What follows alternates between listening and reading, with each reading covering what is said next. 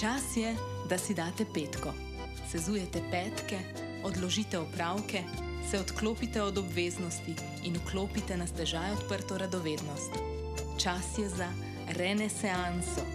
Vaš petkov podcast o trendih, tehnologiji, inspiraciji, svetu kot je in kot bo še.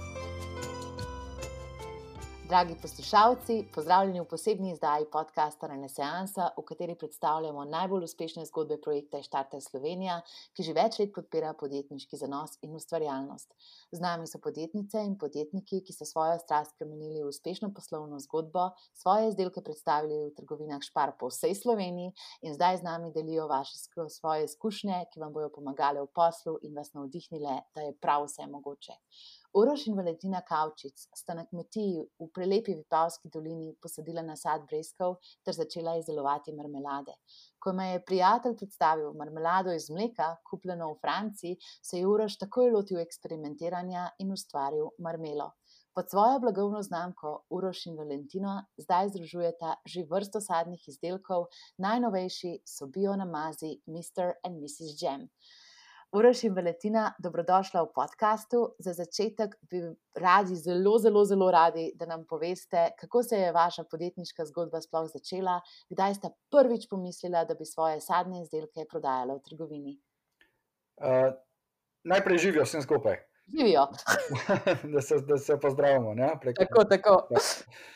Uh, ja, zgodba se je začela, lahko bi rekli, par let nazaj, ker smo imeli malo težave z odkupom sadja, ker so bile pač te znane težave po dolini, tako z odkupom brezk v grozdja. In smo začeli pač malo eksperimentirati, kaj bi, kaj ne bi, brez nekega točnega cilja. No. Um, naredila sva več vzorcev, marmelad, um, malo v prvi fazi bo vse skupaj podelila, ko kar začela nekako prodajati. Na kar smo pomislili, zakaj pa ne bi v končni fazi tudi mi tega prodali. No. Uh, naredili smo nekaj take prve dizajne, ki so bili, rekel, homemade varianta, nekaj neč posebnega, pač toliko, da je bilo nekaj označeno, niti ni bilo po pravilnikih, neč, ker se s tem sploh nismo ukvarjali, no, tako da smo rešili na horuk. In nekako se je ta stvar začela prodajati. Kako, kako se je začela prodajati? Ste nesli to na tržnico, ste um, dobili na kmetijo nekoga, kako se je začela stvar prodajati? Rož? V bistvu smo dali tudi nekaj teh par lokalnih manjših trgovin. Malo, malo smo nakladali po domače, govorili o kruh in uh, prodali smo tistih na začetku par kozarčkov. No. In normalno, ker dobiš nek feedback, te pole, zakaj pa ne bi mi v končni fazi tega sploh zakaj ne bi to mi delili za prodajo? In takrat smo v bistvu registrirali dopolnilno dejavnost na kmetiji in eh, postavila, mislim, da do krug 2015, prvi taki malo bolj resen dizajn in dejansko tudi po nekih pravilih vse skupaj urejeno in začela to stvar ponujati po trgovinah in dejansko prodajati. In tam se je neko, naša zgodba začela, bo neko taki proti tistim prvi začetki v prodaji marmelade. Fantastično. Uh, to, kar si rekel, da smo po domače začeli nakladati, to v marketingu obstaja strokovni termin za to. Veš, kako se imenuje beseda od ust do ust, priporočila kupcev. se pravi, to je eden od resnih tržanskih kanalov, ki ga mi, mislim, ko ga imajo srečo, koristiti samo najbolj kakovostni, najbolj priljubljeni izdelki. Tako da no. je definitivno to odraz enega zadovoljstva kupcev z vašimi izdelki. No, pol delamo prav. Čeprav... Ja, seveda. Ja, že od leta 2015, očitno. Lej, potem pa še eno tako vprašanje. Se pravi, na začetku ste omenili, da ste imeli dopolnilno dejavnost na kmetiji, na neki točki pa ste se odločili, da greste na polno podjetništvo. Se pravi, tudi Valentina, ne, ti si na eni točki potem pustila svojo zaposlitev za polni delovni čas in se pridružila DOE, ko ste ga ustanovila. Um, kako, sta, kako je ta formacija podjetja, DOO-ja, potekala v vašem primeru? Ja, uh, v bistvu želeli smo v prvi fazi ločiti osnovno kmetijsko dejavnost od rekel, nekega nastopa, resnega nastopa na trgu z produkti. V prvi fazi si kot nosilec dopolnilne dejavnosti na kmetiji, ko se to uradno imenuje, nekoliko omejen pri nabavi surovin. Kar pomeni, da ne moreš kupovati surovin v določenih procentih, možeš, oziroma v večini procentov moraš surovine odkupovati od kmeta, in največ pa moraš potrošiti svojih, svojih surovin. Ne? Zdaj pa, kar si enkrat na policah nekih trgovcev, je problem, če, so, če tvoj izdelek sredi leta zmanjka in ga tam ni. Ne? In zato smo se odločili, da gremo v DO, prvič, da tudi bod kot DO bolj nekako deluje, če gledamo proti splošno, banalno, deluje bolj kot neka resna, neka resna firma. E, to je v prvi fazi, in e, predvsem pa to, da lahko konstantno, recimo, surovin, ki se mogoče zgodi, da jih pač v Sloveniji ni, lahko nabaviš tudi v tujini in s tem, bom rekel, zapolniš e, police. Ne? To je rekel, najbolj, najbolj taka zadeva, ki nas je tam zelo, zelo omejevala. No. Ja, pa to, kar si povedal, je povsem realno. Zaradi tega, ker če se ukvarjaš s pridelovanjem, si izpostavljen vremenskim vplivom, si izpostavljen škodljivcem, včasih pa zaradi čist eksternih dejavnikov letina ni tako ugodna, kot bi mogla biti. In kupci oziroma poslovni partnerji, kot so trgovci, pa seveda pričakujejo in želijo stalno skrbo. Tako da iz tega vidika, kar si pojasnil, ima popoln smisel. Zdaj pa mogoče žogico podala še Valentini, na kateri točki razvoja podjetja si se pa ti potem odločila, to je pa to tudi za me, jaz si zdelim zdaj, želim si za polni delovni čas delati v podjetju z Urošom na kmetiji. Ja, ta točka ni hotla prist. Uh, ni bilo neke presečne uh, točke prekladala sem iz meseca v mesec, uh, vsaki mesec sem rekla, ta pa bo, ta pa ne bo. Uh, in tako en dan sem se pač odločila, jaz prej sem delala kot poslovodja v enem podjetju, kjer smo imeli tri trgovince, skrbela sem za pač material, za vse. In tako da prvi korak je bil ta, da sem povedala šefu, da jaz odhajam. Po, po, uh, ko sem službo zaključila, sem nekako se sprašvala, kaj je bilo tisto. V glavnem prišla sem do ugotovitve, da nisem dala nič ne prejšnji službi, ne doma novemu podjetju. Tako da nekje sem se mogla odločiti in presekati in reči, da zdaj bom pa samo v podjetju uh, se posvetila. Hmm. Se pravi, fokus. Imela si občutek, ja. da nikjer nisi stoprocentno in imela si nikjer občutek, nis... da moraš izbrati. To je to. Ja. Mm, ja, absolutno, ker sigurno, lej, pač vsi vemo, kako je v manjših trgovinah, tam je delo, ki ga moraš upravljati um, in katere celega človeka in še malo. Prav tako je tudi na kmetiji oziroma proizvodnih dejavnostih, kot imate vi zdaj podjetje. In je bila mogoče kakšna taka točka, da ste dobili kakšno naročilo, ali pa da se je posel razvil na določen način, da si se ti počutila varno, da zaključiš prejsno službo, a si prišla iz tega bolj občutka, da hočeš biti nekje stoprocentno in narediti stvari, kot ti misliš, da je prav, da se naredijo. Ma ne, po mojem, glavni pobudnik za to je bil Uroš. Res? Ker uh, Uroš je to že dalj časa uh, me opozarjal, da nekaj treba narediti. Hmm. Mislim, da ključni moment je Uroš. Ja. Oh, fino, kako je lepo slišati, ko vidite, kako fajn sodelujete. E, mimo grede, to je pa eno tako vprašanje, ki ga bom malo tihotapila noter. In sicer, kako ste se pa videla dogovorila, čigavo ime gre prvo v blagovno znamko? Uroš in Valentina, Valentino in Uroš. Je bila to še logika ali ste to žrebali, uh, kako je to potekalo? Ma logike tle ni bilo. Edina stvar, ki je bila pri tej reči je ta, da pač uh, vizualno je lepše bilo Uroš in Valentina uh, na sami uh, blagovni znamki. A, se tako zdaj ne bilo. Ja, A, ja. Pa ni bilo še take ja. debate o enakopravnosti mm. in v VCD vrste v redu, v redu, v redu, v redu. Tudi, to, tudi to je zanimiva to informacija. Ni... To ni bilo, je bilo pole pa v, uh, kdo bo direktor firme. Uh, kako ste se pa to odločila? Računovodkinja me kliče, da kakšno ime bova dala, mi dva itak nisva imela nobene ideje. In ona pravi, bo pa UNV, ne, DOO podjetje. In pole pa reče, pa kdo bo direktor, in jaz normalno se mi je zdelo, da bova oba, ne. In pokličem Uroša in vprašam, Jožica nam je vprašala, kdo bo zdaj direktor podjetja, in Uroš reče: "Itak, jaz bom." Kakšna zgodba. Ja, sem pa jaz lastnik, kar se pa žal pozna zdaj pri vseh stvareh, ki urejava. Tako tudi kar se tiče vpisa v Ajpesa in vseh dokumentov, vse, kar je, potrebujeva notarja. Tako da tule sva malo hitro odreagirala, hitro se zmenila, kar bi danes definitivno Pa spremenila. dobro, pa tudi za nazaj se da to urediti, saj ni končana zgodba, ne, vi imate še veliko pred sabo, ampak nadvse zanimiva anekdota o tem, kako je potekalo poimenovanje vašega podjetja. Se bomo pol vrnili še na to, kako ste poimenovali vaše izdelke. Glejte, še pred tem pa me zanima, ne, v vašem poslovnem razvoju je bila sigurno ena velika priložnost tudi, ke ste začeli Štartaj Slovenija, ke ste bili na voljo v trgovinah Spar.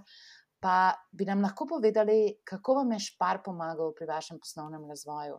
Katera nova znanja in izkušnje ste dobila? Ja, v bistvu je bil prijava in, bom rekel, izbor v tretjo sezono Štartaj Slovenija tisti ključen trenutek, bom rekel, da sva sploh nekako štartala v te vode, no. Tam se je zgodil, rekel, neki marketinški puš, ke si ga, bom rekel, neka prodaja, ki si sicer pač ne moreš sam niti zamisliti, da je to pač res možno. in, z lansiranjem takrat našega tega naše marmele na tržišče, je zadeva postala malo bolj resna, no. Tako da sva se dejansko potem, po tej končani sezoni, če rečem, kako je recimo Valentina ostala doma, kako sem potem še jaz ostal doma, je bilo pač treba narediti eno presečno točko, ali se bomo v posel spustili profesionalno ali bomo pač še zmeraj, nekaj ljubiteljsko se ukvarjali s tem, in v bistvu ta odločitev, da sva šla potem oba profesionalno v to, je bila, bom rekel, v tistem trenutku prava, ne. tako da v bistvu ta, ta, ta točka, bom rekel, na Štartaj Slovenija, to je bil tisti, rekel, ključni moment, ki je to odločitev, rekel, nekoliko olajšal, no. Ej, fantastično. Pa mogoče bi, Uroš, s tabo, ke imaš toliko, izkušenj na področju živilske tehnologije, naslovili še eno prav posebno stvar, ke se vam je naredila, in sicer prej sva se pogovarjala, na primer sva se hecala malo o teh apokaliptičnih zalogah, ke si zdaj pripravljamo doma na korono nov paket, Ja. kako si kupujemo proizvode, ampak takrat v vaši epizodi Štartaj Slovenija ste pa imeli v bistvu izdelek, ke je rabil hlajeno oskrbovalno verigo, se pravi, mogel je biti hlajen. to je bila verjetno za vas tudi ena nova izkušnja, ne, kako pač tako poskrbeti, da je izdelek hlajen čez celo njegovo potovanje, je to tudi nekaj takega, ke ste z gospo živilsko tehnologinjo mogoče kaj predebatirali, a kako ste se to naučili, kako poteka hladna veriga, kako so drugačni roki uporabe, kako je to potekalo? Ma v bistvu tukaj, pomoči, bom rekel, zdaj neke pomoči ti tule noben ne more dati, ker to je zgolj izkušnja, ne, tukaj lahko govorimo, ne vem, če gremo recimo pri jogurtih, je pač neka ustaljena praksa, ki se pač ne spreminja, pa če bo nas danes v lekarno, bom pač nekako že videl, kako te stvari potekajo. tukaj je šlo pa za neki izdelek, ki, bom rekel, je malo specifičen bil tako po naravi, bom rekel, same sestave, obstojnosti, in kaj se z njim v nekem trenutku dogaja. Tako da to je bila za nas popolnoma nova izkušnja, nepoznana, recimo v začetku si rekel štiri mesece rok uporabe, saj to je ful, ne, saj to v štirih mesecih, to je dosti. Na koncu koncev ugotoviš, da to štiri mesece praktično ni nič, ne. Tako, kaj če se ne proda, ne? Kaj če se ne proda, ampak recimo od proizvodnje do dobave, rekel, v enem takem, bom rekel, podjetju, kakor smo mi, je potekalo praktično že skoraj štirinajst dni, ne. ke v bistvu nismo bili organizirani v tej smeri hladnih verig, recimo kakor so to mlekarne, ki to dnevno, z izkušnjami pač to furajo, ne. In, uh, tako da to je bila ena tako res velika, velika izkušnja. Um, ogromno smo se tukaj naučili o izdelkih, um, kaj, ja, kaj ne postaviti na polico. Tako da tle je res, neko, kar hlajen program, je neko zelo, zelo zahteven program. Uh, tisti, ki se s tem neko profesionalno ukvarjajo s takimi izdelki, uh, je to res neko mislim, da je kar pred, zelo težko, recimo, če primerjam z ostalimi, neko nekimi suhimi izdelki, ki so na policah lahko tudi po letu in pol, dve brez težav. Ne? Ja, seveda je čist drugače. Dobro, pa zdaj imamo pa spet en takšen izdelek, ne? imamo Mr. in Mrs. Jam. Um, in prej smo se že malo hecali, kako vidva izbirate imena, kakšna je vaša logika, kar se tiče poimenovanj. Um, pa me zanima zdaj tudi, kako ste vi izbrali to ime, zelo inovativno ime za marmelade, Mr. in Mrs. Jam. Kakšna je razlika med gospodom in gospodom? Kakšne posebne logike pri izbiru imena ni. S tem, da meni je zelo všeč, naprimer kot uh, pelicon, ki vari piva, za vsako steklenico določi ime. In tako sem rekel, da tudi jaz bi Eh, poimenovala izdelke, ko je bila prej marmela, sta nekje zdaj Mr. in Miss Jam. Uh, sicer pravilnik o kakovosti marmelad in džemov, uh, ki govori, kaj je džem, kaj je sadni namaz, kaj je marmela, tle nima dobene veze. Tako da je v bistvu samo ime Mr. in Miss Jam. Uh, ne pa pove točne vsebine uh, samega izdelka. Uh, Zdaj, razlika med gospodom in gospojo pa ta, da ena je sladkana uh, z dateljevo pasto. Se pravi, je 100% za to, zadnji delež skoraj. Skoraj 100%, mm. razen kar dodajamo naravno gostilo in sicer agar-agar. Pri gospodu pa je to uh, eh, 90% sadni delež, je pa sladkano z uh, biotrsnim sladkorjem. A gospod se torej ne sekira tukaj? Uh, gospod se ne sekira, on bi rad eh, še zmeraj bolj sladko, tako da to je to. Ne, dobro, dobro, dobro. Pa jaz tudi, na primer, mi je zanimivo, da vi tako lagate tudi v to mm. lokalno okolje, pa smo že doma, naprimer, Pelicon, je super, da ste omenjali, pa tudi na področju embalaže ste delali s to lokalno, mislim, se je globalno prepoznana zdaj, ampak pač s to oblikovalko uh -huh. Anjo Korenč, me tudi pomagala pri um, zasnovanju vašega CGP-ja, pa ste potem tudi naprej to razvijali. Um, tale vaša povezanost z okoljem, oziroma to, kako se vi počutite pripadni te zemlji, ki vam to daje, na kakšen način to polo vračate nazaj? Uh, zdaj, uh, če lahko samo malček popravim, uh, da je oblikovalka. Uh, ta, s katero smo začeli zdaj prenavljati ta naš CGP, je Valentina, krasna. Uh, tako da Anjo smo uh, uh, vključili še zdaj v neko nadaljen proces, um, ker bo neko pri zasnovi celostni grafični podobi, ker se za človek, se bo rekel, se celo življenje uči.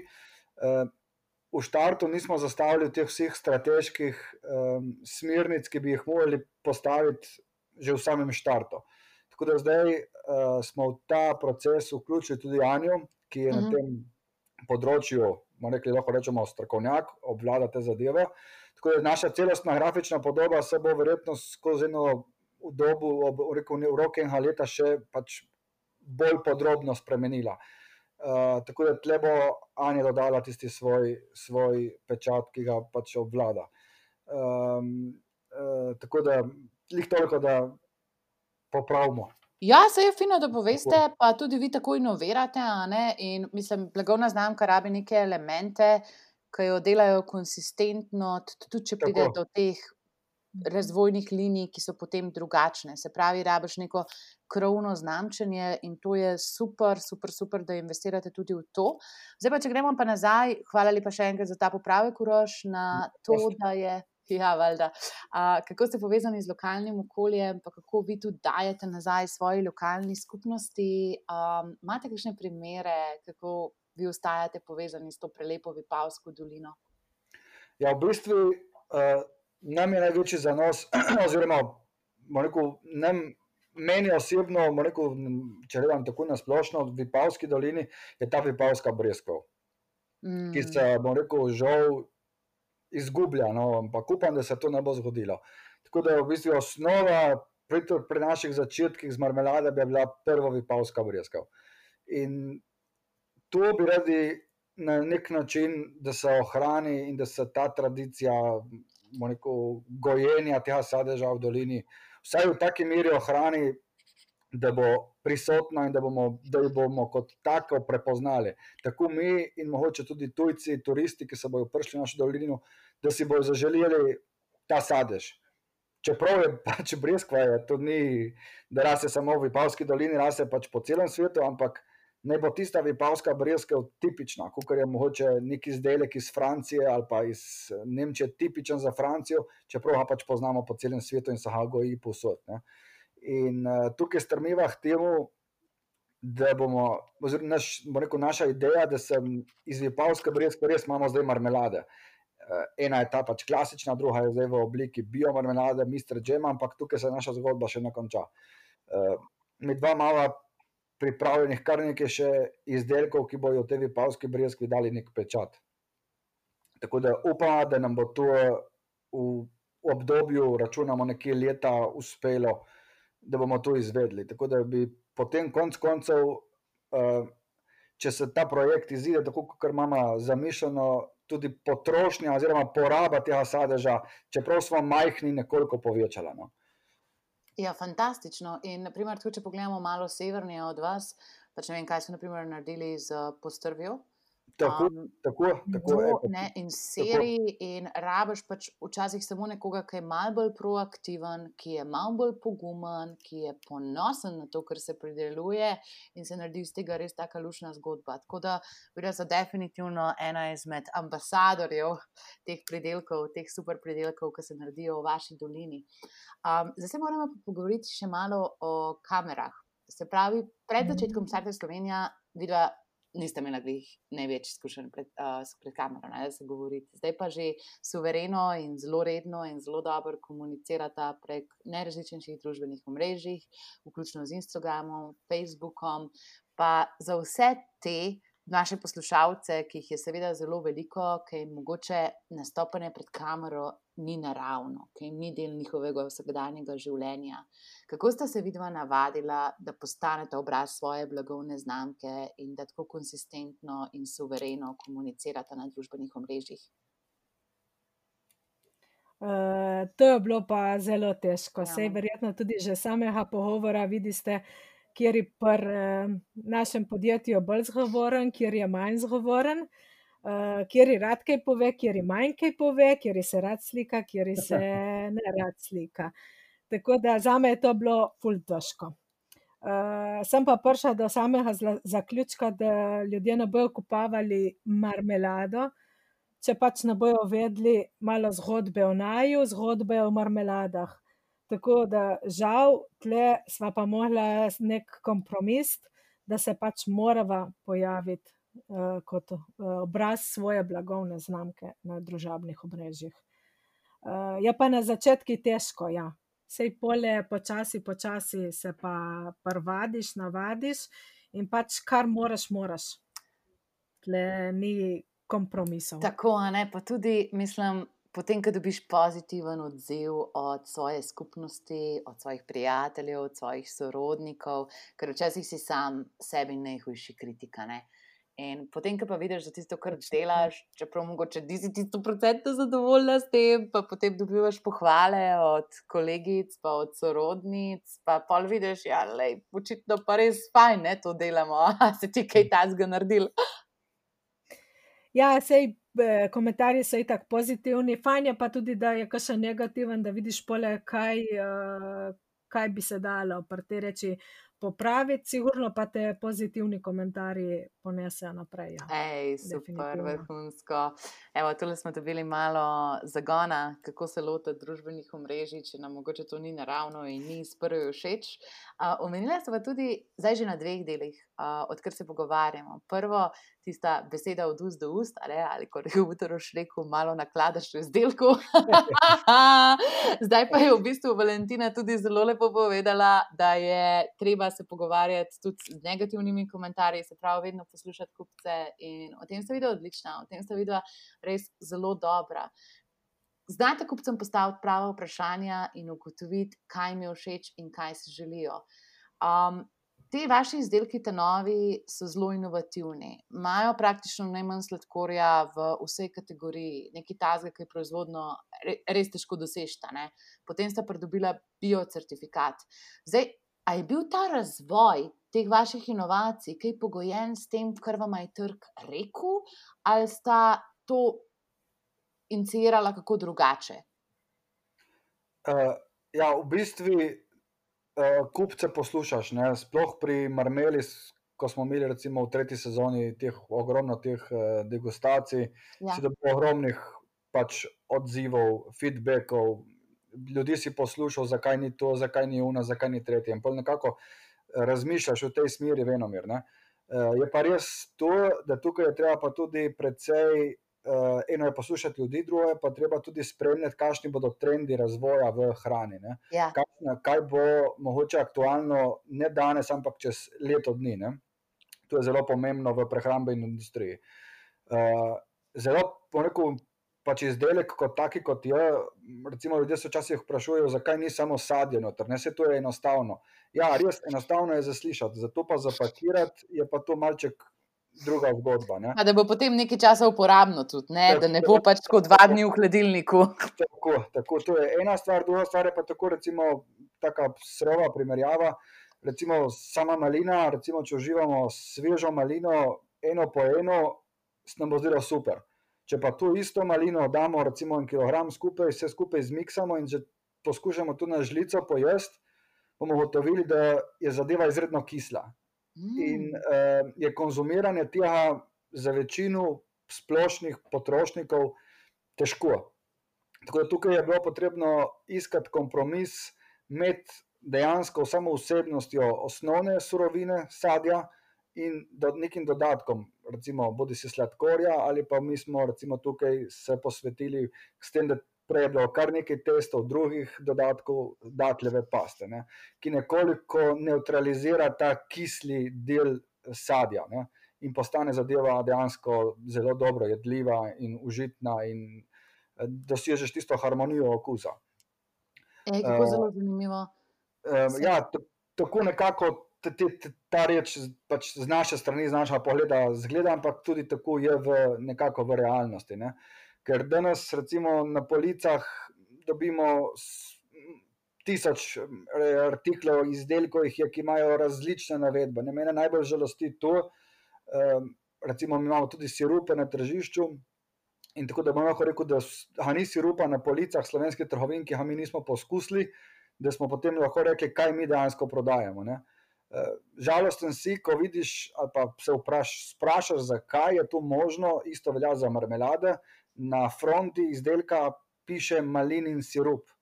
Potem greš brati deklaracijo in na deklaraciji ugotoviš, da je maline noter dejansko 3% ali uf, pa manj.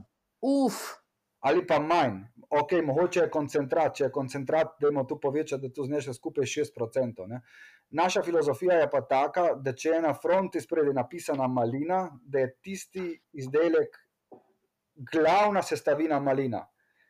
In če je sadni delež pač tako visok, ne bo tu dejansko tisto osnovno sadje. Pač datli dodajo, limon in sok dodajo pač določen procent, ker so še zmeraj sadje. Ne? Ampak glavna sestavina mora biti osnovno sadje, katero je napisano na fronti. Ne pa recimo obratno, da imamo malinina marmelada in glavna sestavina je pa jabolčna kaša ali pa jabolčni koncentrat. Mm -hmm. Tudi v imeni naši filozofiji podjetja na gre skupaj.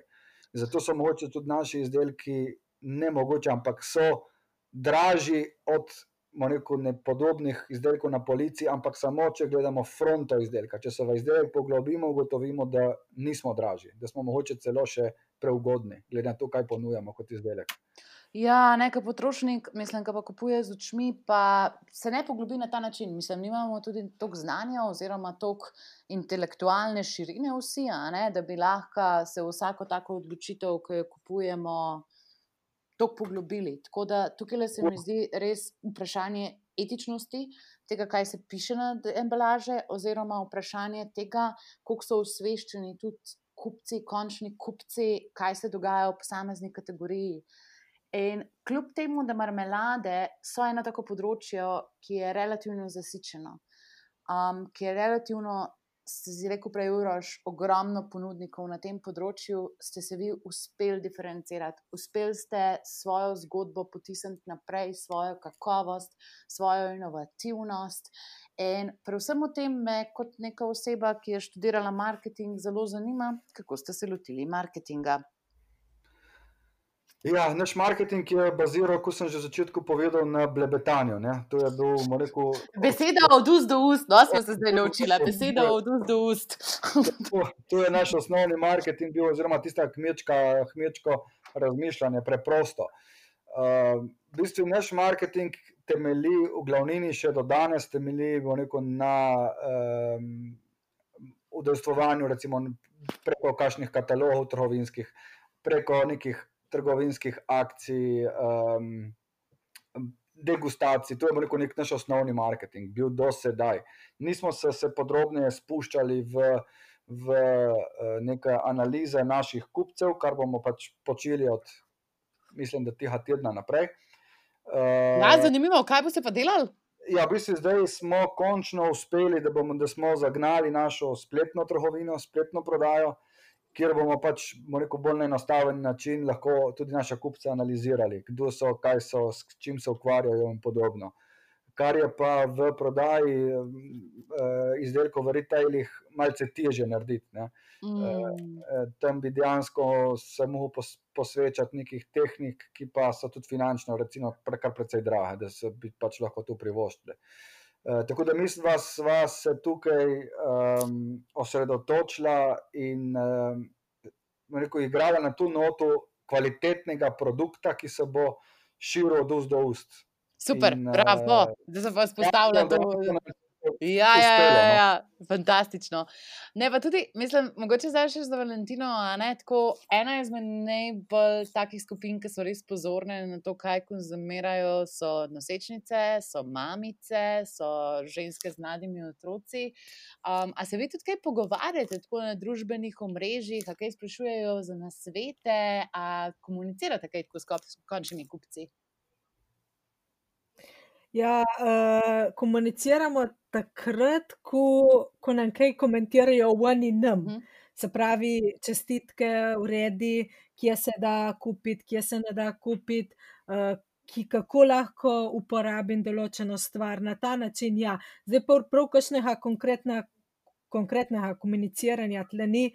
Uh, največ je to pri kakšnih degustacijah, sejmih. In takih, uh, takih primerih. Dobro, dobro, dobro. Pa sodelujete tudi z, z influencerji oziroma z vplivneži. A so vam mogoče ti vplivneži pomagali, kakšne nove načine uporabe izdelkov odkriti, naprimer recepti? Uh, prvo delo pred dvemi letami in pol, ko smo prvič šli na sestanek za tretjo sezono Štartaj Slovenija, mi dva nisva vedela, kaj so sploh influencerji.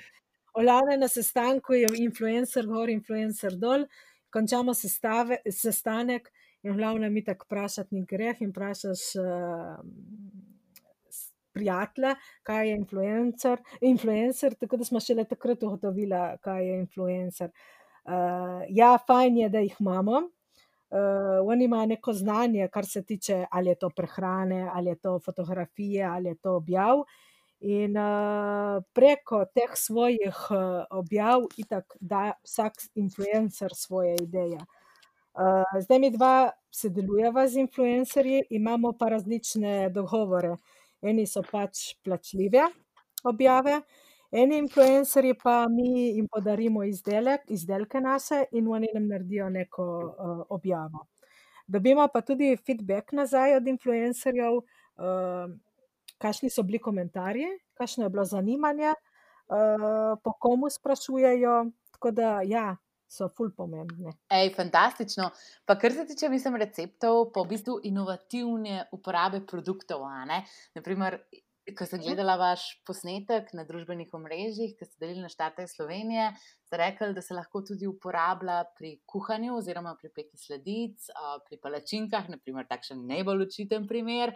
In verjetno tudi oni dodajo en kanček svoje inovativnosti ne, v to vašo zgodbo, kako se lahko v tem produktu še bolj uživa, kako se lahko še bolj sladkamo s temi produkti. Se strinjam. Ej, fantastično. Evo, zdaj, v embalaži smo se tudi že malo pogovarjali, se pravi, v vaši novi embalaži je več tradicionalnih elementov. Hkrati pa ste še prenovili marmelo in jo naredili dostopnejšo. Uh, Kako ste vi pristopili k tej prenovi celostne grafične podobe? Se pravi, rekli smo zdaj že, da sodelujete za njo, pa kdo vam je prej delal, pa da vam je tradicija pomembna. A je še kakšna taka stvar, ki bi jo rada v tem procesu izpostavila kot neko lekcijo našim poslušalcem? Ja, mi dva te uh, celostne grafične podobe sva se lotila napačno. Povej mi, prosim, vse uh, o tem uh, videla sva šele zdaj, pred kratkim, ko sva na, v, v tem projektu Štarte Slovenije se je pojavila slika naših izdelkov, se pravi od marmel do marmelad uh, in do sirupov. Mene je tista slika ful zmedla. Uh, nisem vedela, kam bi kam kaj dala. Izstopale so mi marmele, vse ostalo je bilo isto. Uh mhm. -huh. Tako da zdaj smo za njo nekako uh, prišli do nekega zaključka in same izdelke uh, dali v kategorije. Tako da pred nami je zdaj nastale dve kategorije in sicer ena tradicionalna kategorija, uh, kjer imamo poudarek, fokus na enostavnosti, se pravi uh, marmelade, enega okusa sadja, uh, sirupi enega okusa in pa nekako uh, nova kategorija, kjer bomo vključ, vključevali uh, produkte. V tem primeru so tudi zdaj že ti produkti bio, in bomo, um, kako se jih uporablja, oziroma, naprimer, uh, koliko bi potrebovali mi tega izdelka, naprimer, oreščkov, da bi uh, zadostili potrebe uh, za cel dan. Ne? Tako da zdaj s to celostno grafično podobo bova nekako mi dva tudi same izdelke malo razčlenila. In mislim, da to je bilo pri nama ful pomembno, zato ker tudi sva ugotovila, da uh, najne izdelke, naprimer marmelade, kupujejo eni kupci, za te bio izdelke imava pa druge kupce. Tako da to je precej, no, mi sva si mislila, da sva to s tem že uredila, pa na konci nam je samo zapletalo se. Če mm, lahko še jaz nekaj dodam. Izvoli, izvoli. Uh, skratka, to ona je tu, kar je povedala, je vse točno in res. S tem, da smo zdaj nekako, razč, bomo nekako razčlenili, da bomo imeli produkte, ki so bolj nekako neki tradicionalni produkti. E, tu bo ena, bomo rekel, kategorija naših izdelkov, druga kategorija izdelkov bojo bolj, bojo bolj konvinjeni izdelki. E, Eh, kar pomeni, da bodo tam uh, noter se nahajali izdelki, ki bodo že nekako do neke mere uh, zajemali te uh, kupce, ki so bolj sodobni. Ko smo prej govorili, da več, že kupimo narejen izdelek za pojest. Ja. Uh, in ta del, ta, ta sektor. Bo zajemal take izdelke, in na teh izdelkih, tako kot je povedala Valentina, natančno opisano, horej, uh, koliko dejansko z enim obrokom zaužijemo dnevno potrebnih eh, kalorij, vitaminov, mineralov. Eh, tako da super smo naredili, da smo zdaj to izvedli, kar bi dejansko svetoval vsakemu, kar se otešnjega posla. Eh, res, danes štartaš, imaš en izdelek in si fokusiran na ta izdelek. Pomisli, kaj bo čez pet let. Ali boš res imel samo še en izdelek, ali bo tisti krat imaš, ker zagotovo pri enem izdelku imaš zagotovo že v glavi vsaj nekako razvoj vnaprej še nekih izdelkov. Pomisli na celoto in zastavi to na začetku, ker bo pol bistveno, bistveno lažje uh, delati majhne korekcije, kot pa delati pol neka velika korekcija, nekje sredi že glavnega posla, kot te ljudje že nekako poznajo in tiskrat ne smeš več spreminjati tistih bistvenih prepoznavnih elementov. Ne. To sta fantastično povedala. v resnici se zgodba navezuje tudi na vrednote kupcev. Tako. Tole mi je zelo zanimivo, ker ima ta PepsiCo korporacija dve kategoriji izdelkov. Eni so good for you. Se pravi, oni so dobri za te, oni so pač tako neki tasga, ki je skladno s tem zdravim življenjskim trendom. Druga kategorija, ki jo imajo, so pa fan. Zabavni izdelki, tiste stvari, kot so čipsi, pa gazirane pijače, ki jih enostavno pač konzumirajo zaradi neke druge potrebe, ne zaradi tega, ker bi rad investiral v svoje zdravje. In Tako. tukaj le mogoče tudi lahko razlikujemo na podoben način, kot si prej fantastično opisal, da nekaj je tradicija, nekaj je tisto, kar kupci tradicionalno hočejo in jih spominja na njihove mame in na povezanost z lokalnim okoljem in vse te elemente, ki tvorijo kulturo. Ta drugi način je pa convenience oziroma udobnost, priročnost izdelkov. Tako. Uh, nekaj takega, kar lahko konzumiraš. Tako da meni se zdi, da vam te dva stebra dajo res eno tako odlično podlago za razvijanje vašega blagovne znamke tudi naprej. In jaz se veselim vsega, kar še prihaja. Ena stvar, pa, ki sem jo že zaupal, vaši sodelavci, pa je, da se malo ozirate tudi čez mejo, da si malo ogledujete italijanski trg. A lahko malo poveste, prosim, več o teh korakih in ciljih, ki jih imate pri internacionalizaciji oziroma pri prodaji proizvodov tudi na druge trge?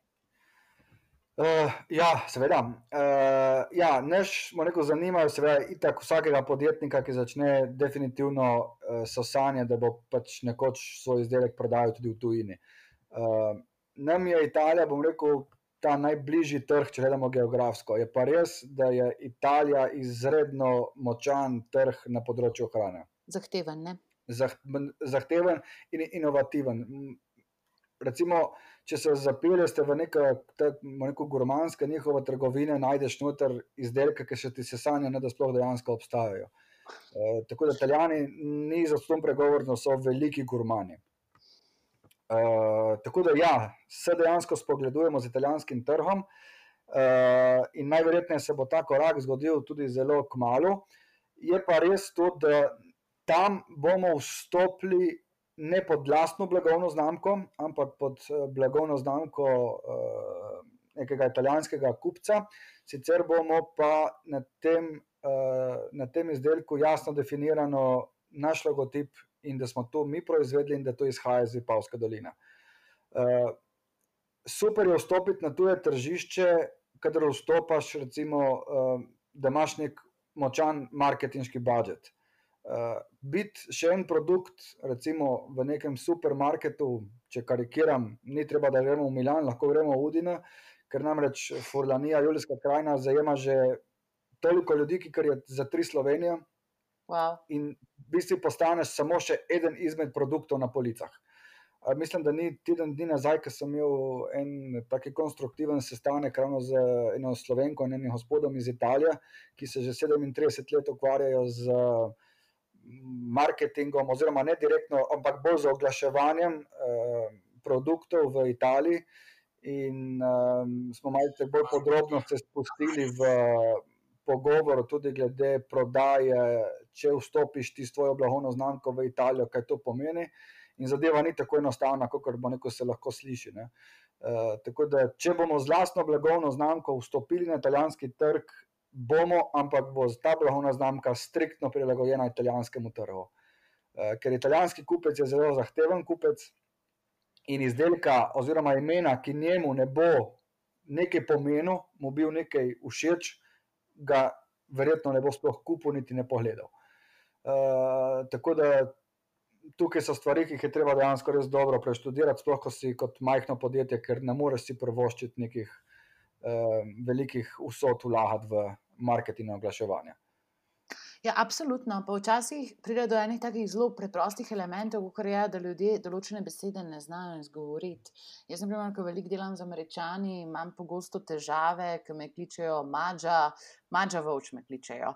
In pač to je katastrofa za mojo osebno blagovno znamko, ker oni niti mojega imena ne znajo izgovoriti. Ja, Tako da, ne vem, je pa zanimivo, naprimer na italijanskih izdelkih, ko vidiš ogromno nekih om, se pravi teh babic eh, in te tradicije, tako da na ta način se pa verjetno lahko približate tem kupcem. Ta tradicija je pa nekaj tazga, ki je njim pavšalno všeč.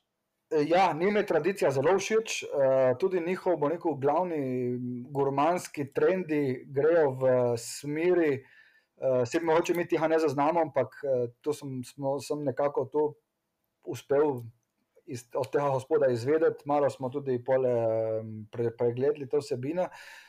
Oni ogromno dajo trenutno na ta rekel, celostni razvoj oziroma to krožno gospodarstvo, ne, Mhm. kjer dejansko želijo vedeti, odkje je ta surovina prišla, kdo je to surovino pridelal, da ta, ki je to surovino pridelal, ni bil pri svojem delu izkoriščen in v bistvu, da je ta kruh do končnega uporabnika pravičen. Uh, sej, to, to, to ne dela pač globalna industrija, ki se pač ukvarja, se s tem ne ukvarja, ampak to so te neko glavni lideri teh uh, uh, gurmanske hrane, kamor bi se tudi mi, če vstopaš na 60 milijonski trg, uvrstili. Ne. Mi ne moramo si kot podjetje vstopiti na 60 milijonski trg in tam konkurirati, če lahko rečem, njihovim najbolj svetovno priznanim znamkam, je to praktično nemogoče. Ja, ali pa najcenejšim znamkam, ne, ne Ali moreš iti pod en evro, ni šans. Tako, lahko pa konkuriramo in se postavimo v bok njihovim gurmanskim izdelkom, in mi predstavimo rekel, na njihov način našo kvaliteto produkta. Tu pa je zgodba, ki jo lahko zapišeš. Uh, in tle bomo iskali priložnost, da direktno z našo blagovno znamko uspemo, mogoče v naslednjih, cilj smo si zastavili v naslednjih petih letih, mislim, da uh, poskušamo na njihove police vstopiti na tak način. Uh, sicer vstopati na njihove police s trenutnim našim CGP-jem je možnost, lahko to naredimo jutri, ampak ne, uh, mislim, da ta ne bi bila prava pot. Uh, da bi se opekli in bi se vrnili nazaj na začetek. Uh, je pa druga opcija, se pravi preko uh, e-marketinga, da se tam pač uh, poskuša rekel, nekako ta lijak uh, kupcev zožati in poiskati uh, tvojega kupca. Recimo za Marmelo imamo pač izkušnje. Uh, ogromno je italijanskih turistov, ki se gibljejo po Vipavski dolini Oh, wow. uh, in uh, prihajajo sem striktno iz uh, gurmanskih, uh, kot, gur, kot, rekel, kot turisti, ki iščejo dobro in kvalitetno hrano. Uh, mi sodelujemo z kar nekaj restauracijami, tle pač više, če recimo tipo uh, ta hostilna oziroma restauracija pod Faroš, ki je pač spada v nek višji, kat, višji nivo restauracij. In tam so se pojavili pač neki turisti iz Italije, konkretno iz Verona, in eden izmed njihovih krožnikov je bil narejen iz naše obreskovo marmelo. Rekel, kot ta, oni predstavljajo tradicionalna hrana iz našega okolja. In ti dve družini, ki so bile, so se ustavile, rekel, tam pač eh, na takar opiše sestavine, pač proizvajalce in tako naprej. In so želeli, so nas kontaktirali in so ustavili direktno pri nas, nakupili itak za polhen koš roba. Super, čestitam. Tako, tako, in uh, želeli so, kako bi oni v Veroni prišli recimo, do naše marmele, kako bi oni lahko to kupili. Uh, pač žal je z marmelo malo drugače kot z marmelado, ne moreš ravno po pošti poslati. Uh, tako da so kupci, oziroma je potencial izdelkov naših v Italiji pod njegovih, po njihovi kvaliteti, ker pač dejansko gurmansko znamo narediti dobro. Moramo pa še to vizualno in berljivostno narediti za njihov trg, da Mhm. bodo sploh po tem izdelki poseli in gotovili sploh dejansko, kaj je v lončku, ker obratno pa žal ne gre. Ne? Eh, Oziroma gre, ampak ne v takih korakah, ki bi si jih človek želel.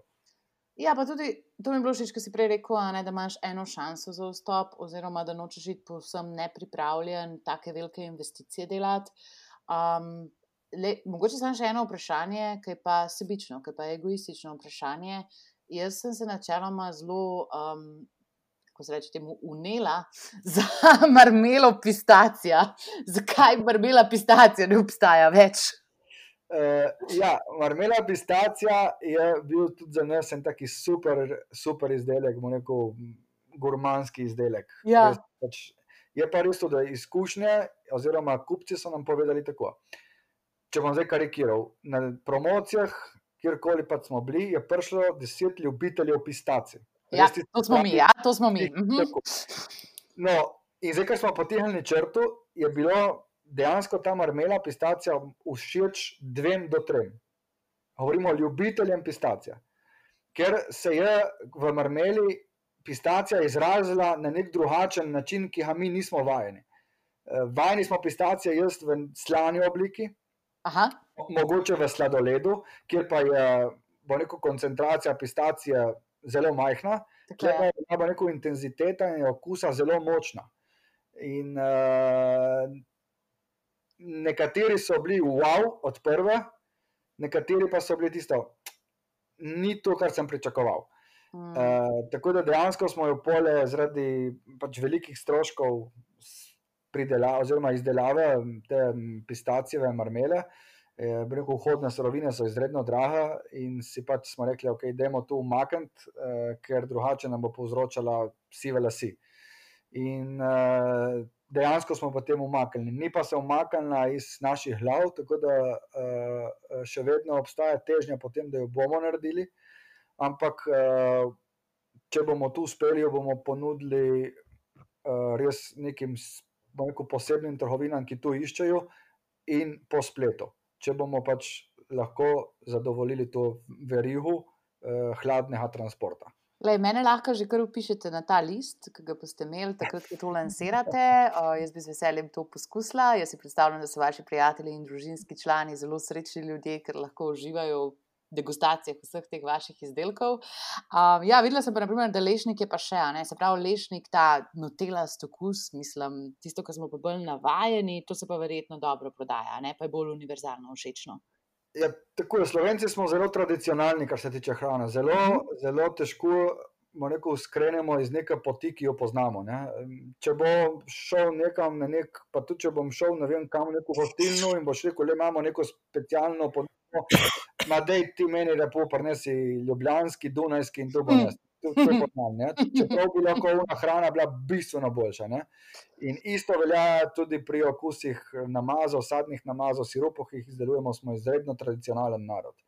Um, tako da uh, od, v Sloveniji moraš biti zelo previden, kaj daš na trg, oziroma ne kaj daš na trg, ampak kateri izdelek daš na trg in od njega pričakuješ nek gro prodaja. Uh, drugo je pa, če se osredotočiš rekel, na izdelke, pač, ki imajo neko specialno, spe, osko določeno skupino kupcev, uh, ampak tisto ni za, rekel, za živeti, oziroma preživeti od tistega, ampak je tisti, tisti tvoj bombonček. Ne? Uh, da to je treba biti zelo, rekel, previden.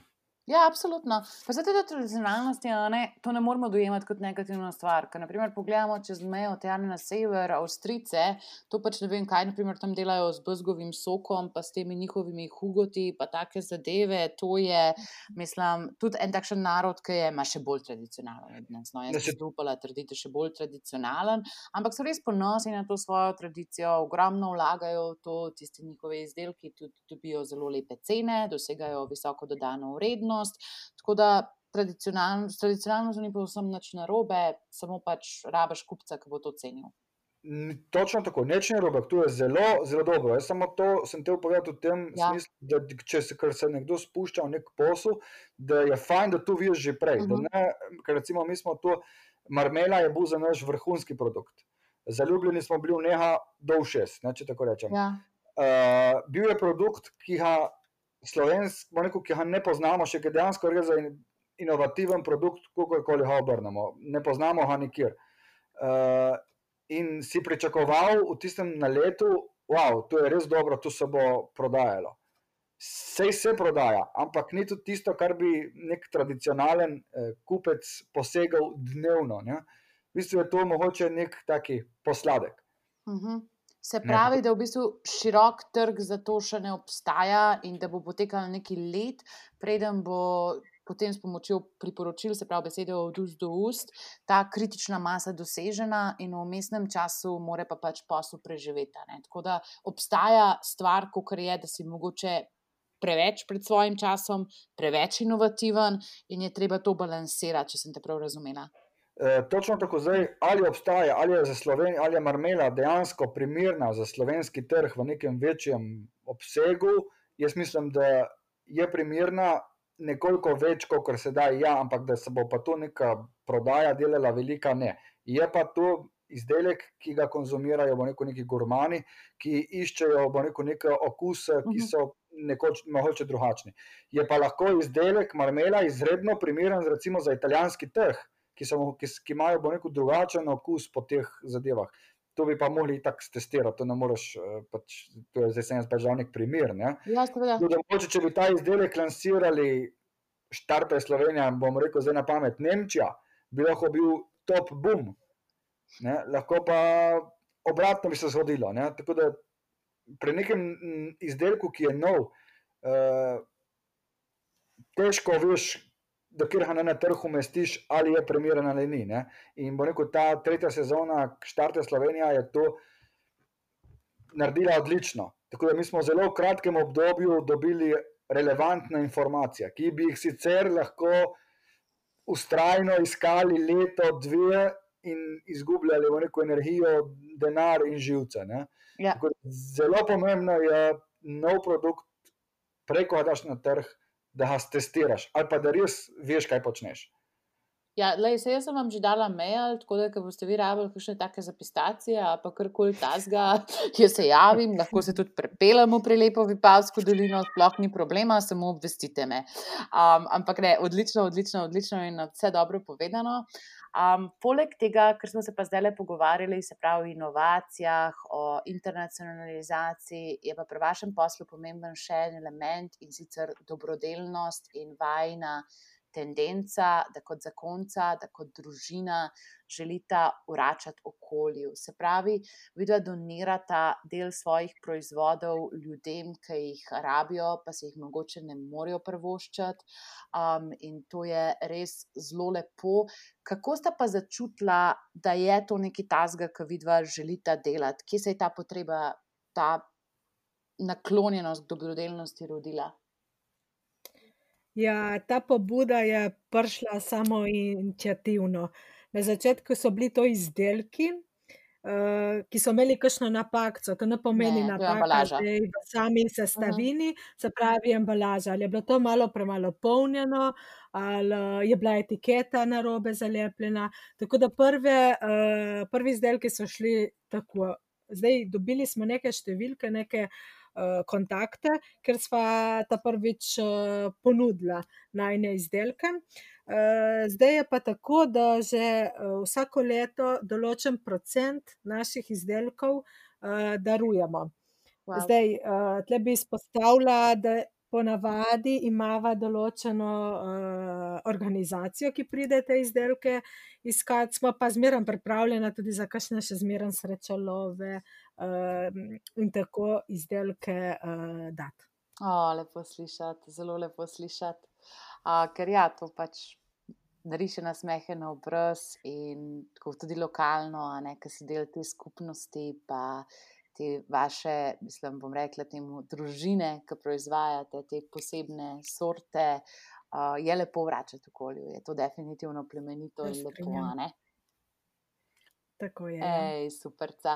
Evo, za vas je še zadnja stvar, ki bi se rada pogovorila z vami, je pa v tem, se pravi, vi ste bistveno povečali proizvodno, še vedno pa delate stvari ročno izdelujete tudi white label, se pravi trgovinske blagovne znamke za druga podjetja.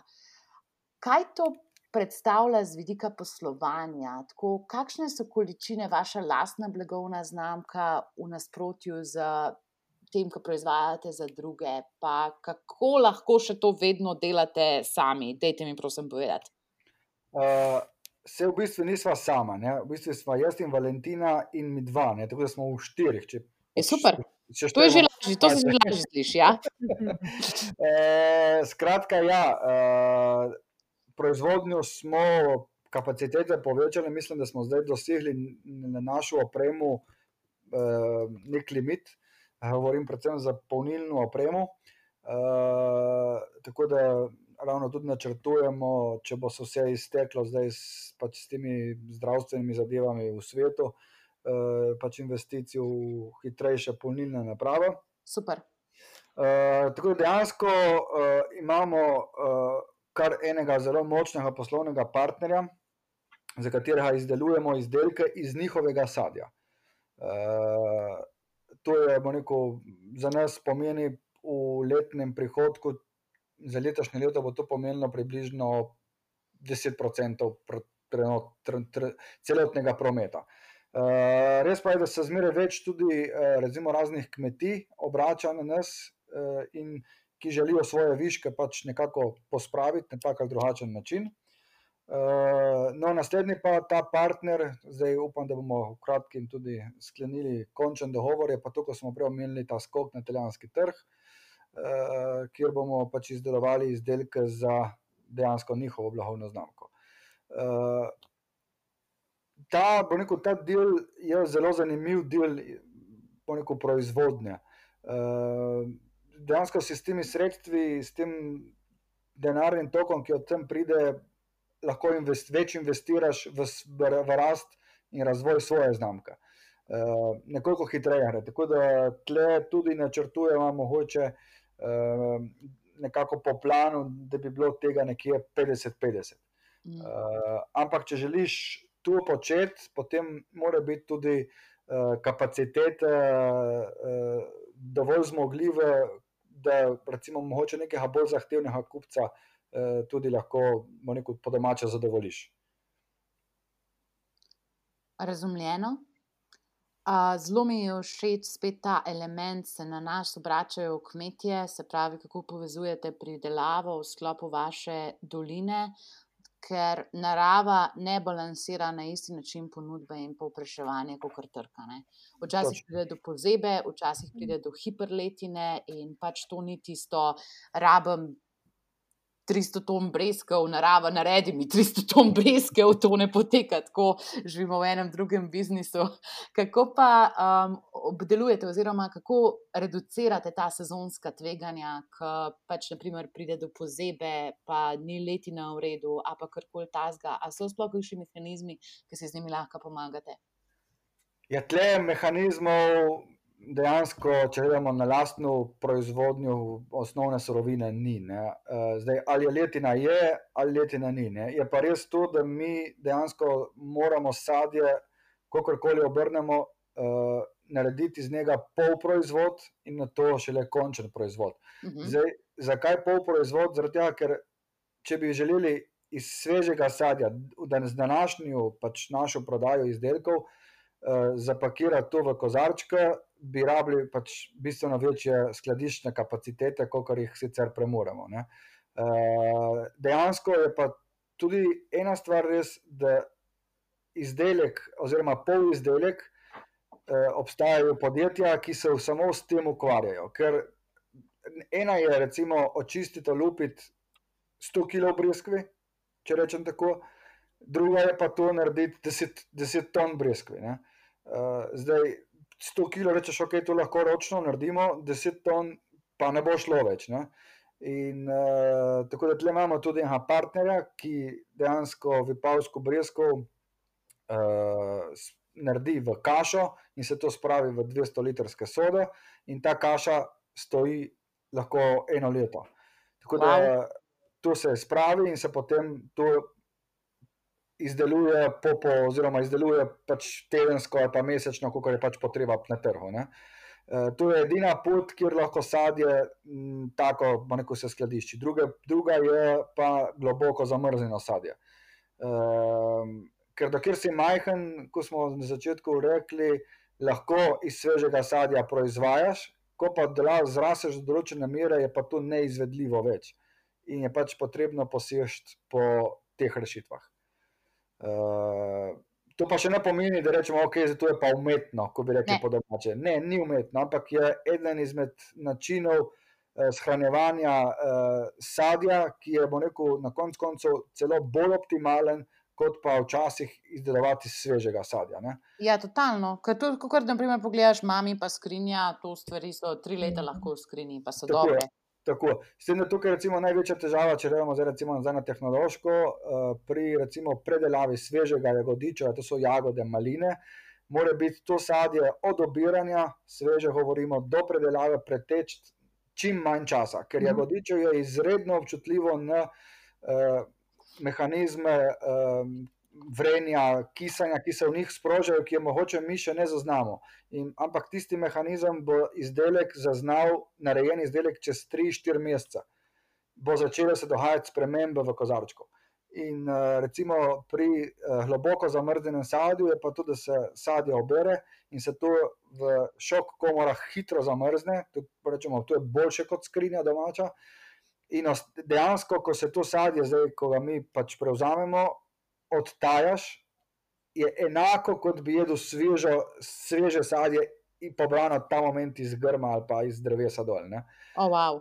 Ne? In to je bistvo, rekel, da dosegaš kvaliteto na samem produktu. Ne? Uh, sicer se lahko tudi z samo svežim sadjem, kar mi smo se eno leto opekli z jagodo, in tistikrat se, od tistikrat naprej pač uh, tega ne počnemo več. Mm. Pa to so najbolj priljubljeni okusi, ali kako mislim, vse vidva veste več o prodajnih številkah kot jaz, ampak jaz bi na prvo žogo rekla, da je godičev je eno izmed najbolj priljubljenih okusov. Je Po mojem, tisto sadje, ki ima rdečo barvo, je še zmeraj najbolj A priljubljeno. res? In najmanj mislim, da še zmeraj na zeleno farbo. Eh, barvo. in marelica. Ja, merelica. ja. Wow. Pač zakaj pa mislim, da do tega dopride? Ma, to je spet neka tradicija Slovenije. Ne? Slovenci smo pač nahnjeni na malino, oziroma malinec, če rečemo po domače, ne poznamo ga vsi. Uh, jagoda je pač itak jagoda, nekdo pa jagode ne pozna. Ne? Uh, zdaj, če jagode ne ješ, si že verjetno malo čuden. res je. Uh, marelica je pa itak tipična marelična marmelada, ki je pa, kugarkoli obrneš, je marelična marmelada. ne. Uh, tako da mislim, mislim da sva mi dva tukaj naredila uh, z Vipavsko breskvo kar en hud taki preboj na trg, tako da dosegamo zelo dobro prodajna številka na tej nači Vipavski breskvi. E, odlično, bravo, kako je pa to lepo slišati. Pa res ena taka zgodba, ki um, nam da zanos, ki nam da upanje, pa nam da ponos do tega, kaj naši sodržavljani delajo. zdaj pa za čisto za konec, na mesto adijo, bi vas pa jaz še prosila, da mogoče date kakšen nasvet za vse tiste, ki imajo kmetijo doma, ki pridelavajo sadje ali pa zelenjavo in bi radi šli bolj masovno, ampak si čist ne upajo, kaj bi jim vidva svetovala. Uh, jaz bi rekla to, da se nobene stvari ne ustrasijo Uh -huh. in strajnost, strajnost in strajnost. Edino to. No, Hvala. Če jaz, če jaz še zaključim, uh, nekako razmišljaš v tej smeri, če primerjamo Slovenijo z nekim globalnim trgom, smo zelo majhni. Ne? Imamo uh, zelo močne liderje na področju predelave sadja, hrane, ki jim nikoli ne bomo konkuri- konkurirali, ker enostavno ne moremo konkurirati, ker smo premajhni. Pa tudi pogojev nimamo v redu. Ne? Mislim, je- pogoji, mi nimamo dveh letin na leto. To je eno, nimamo teh, in dejansko tudi sama površina, če rečemo samo v južnem delu Prelijevja. Španije, v Sevilji, je samo pokritega toliko, kolikor je velika cela Slovenija, rast, rastlinjakov. Ne, skratka, eh, nemogoče smo konkurenti. Smo pa lahko zelo močni na področju vrhunske pridelane hrane. Uh, rekel, trajnostne hrane, uh, bio, če lahko rečemo tudi bio, ali pa kakorkoli obrnemo. Ne? Uh, in tukaj bi dal na svet, da, kot smo tudi sami izkusili, mi sami smo tudi na začetku želeli iti v masovno proizvodnjo sadja. In uh, tukaj je stvar zelo kočljiva pri nas, ker pač nimamo tako organizirane strukture prodaje, kot ima recimo, recimo sosednja Italija. Vsakemu bo rekel, da to je mo, naše razmišljanje. Fokusiraj se na kakovost, na res tisto vrhunsko kakovost, in da zadostiš tistim kupcem, rekel, ki so v tvojem dosegu. na masovno razmišljanje, da bomo masovno konkurirali um, sosednjim državam in to ponudili veletrhovcu kot cenovno primerljiv izdelek, je pa misija nemogoča.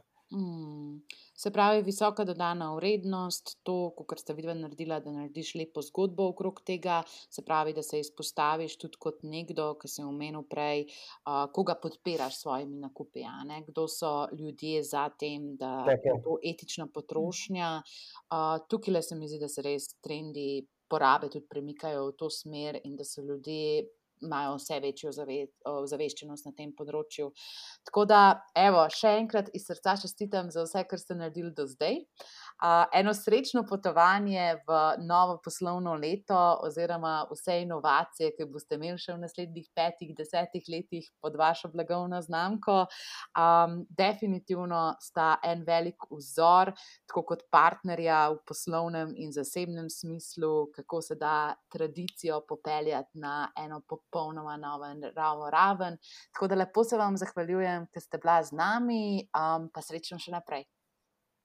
Hvala. Hvala. Se vidimo, čau, čau. Čau. čau. Hej, če ti je bila ta epizoda všeč, bomo veseli tvojega komentarja in ali ocene v tvoji najljubši aplikaciji za podkaste. Če pa imate svojo podjetniško idejo, vam že lahko namignemo, da se bojo kmalo odprle prijave za že peto sezono Štarta je Slovenija. Spremljajte nas še naprej. Zahvaljujemo se Šparu Slovenije za podporo pri tej epizodi in seveda vam, ker nas poslušate. Hvala.